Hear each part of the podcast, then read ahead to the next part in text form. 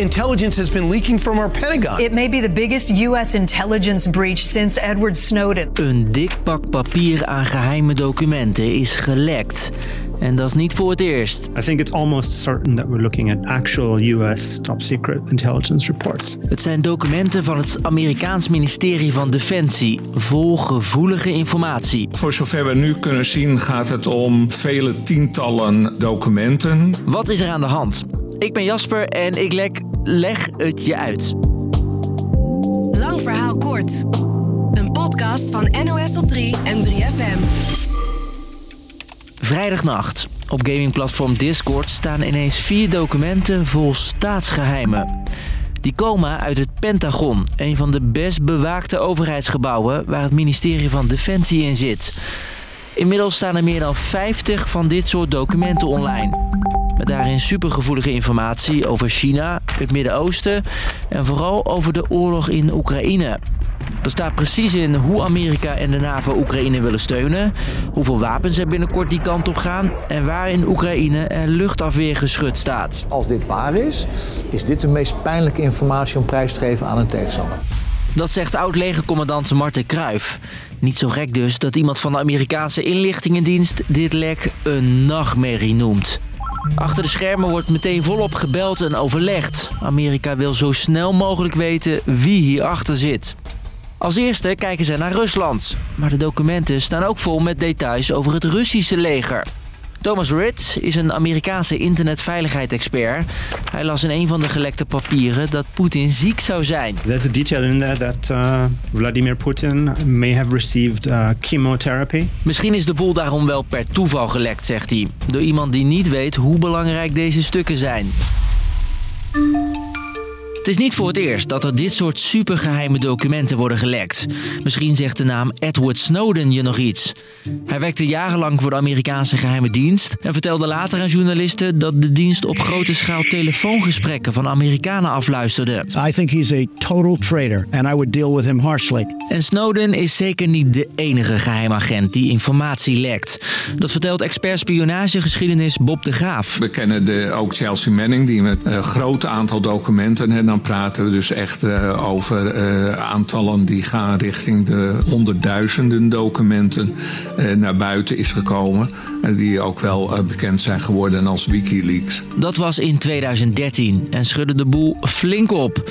Want uit Mannings documenten en video's bleek dat het Amerikaanse leger in Irak ook op burgers schoot.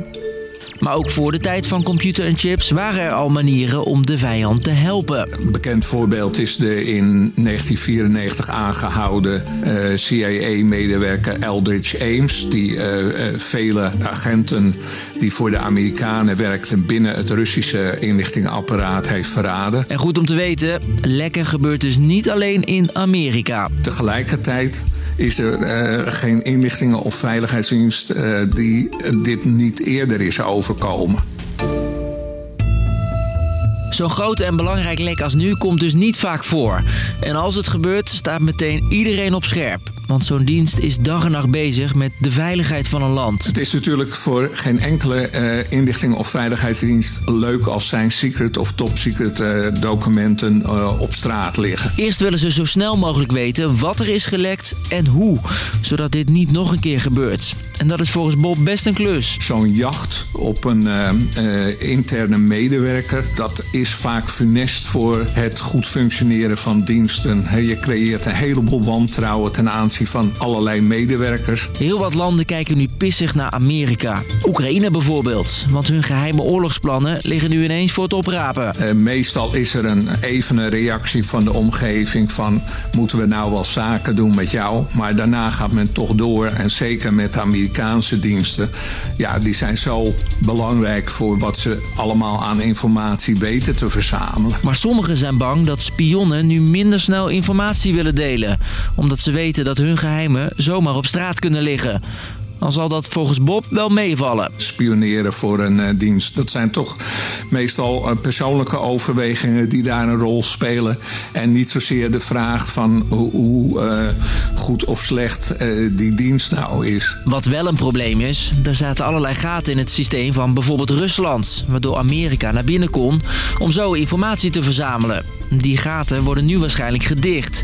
En Amerika moet dus op een andere manier op zoek naar informatie. Dus, lang verhaal kort.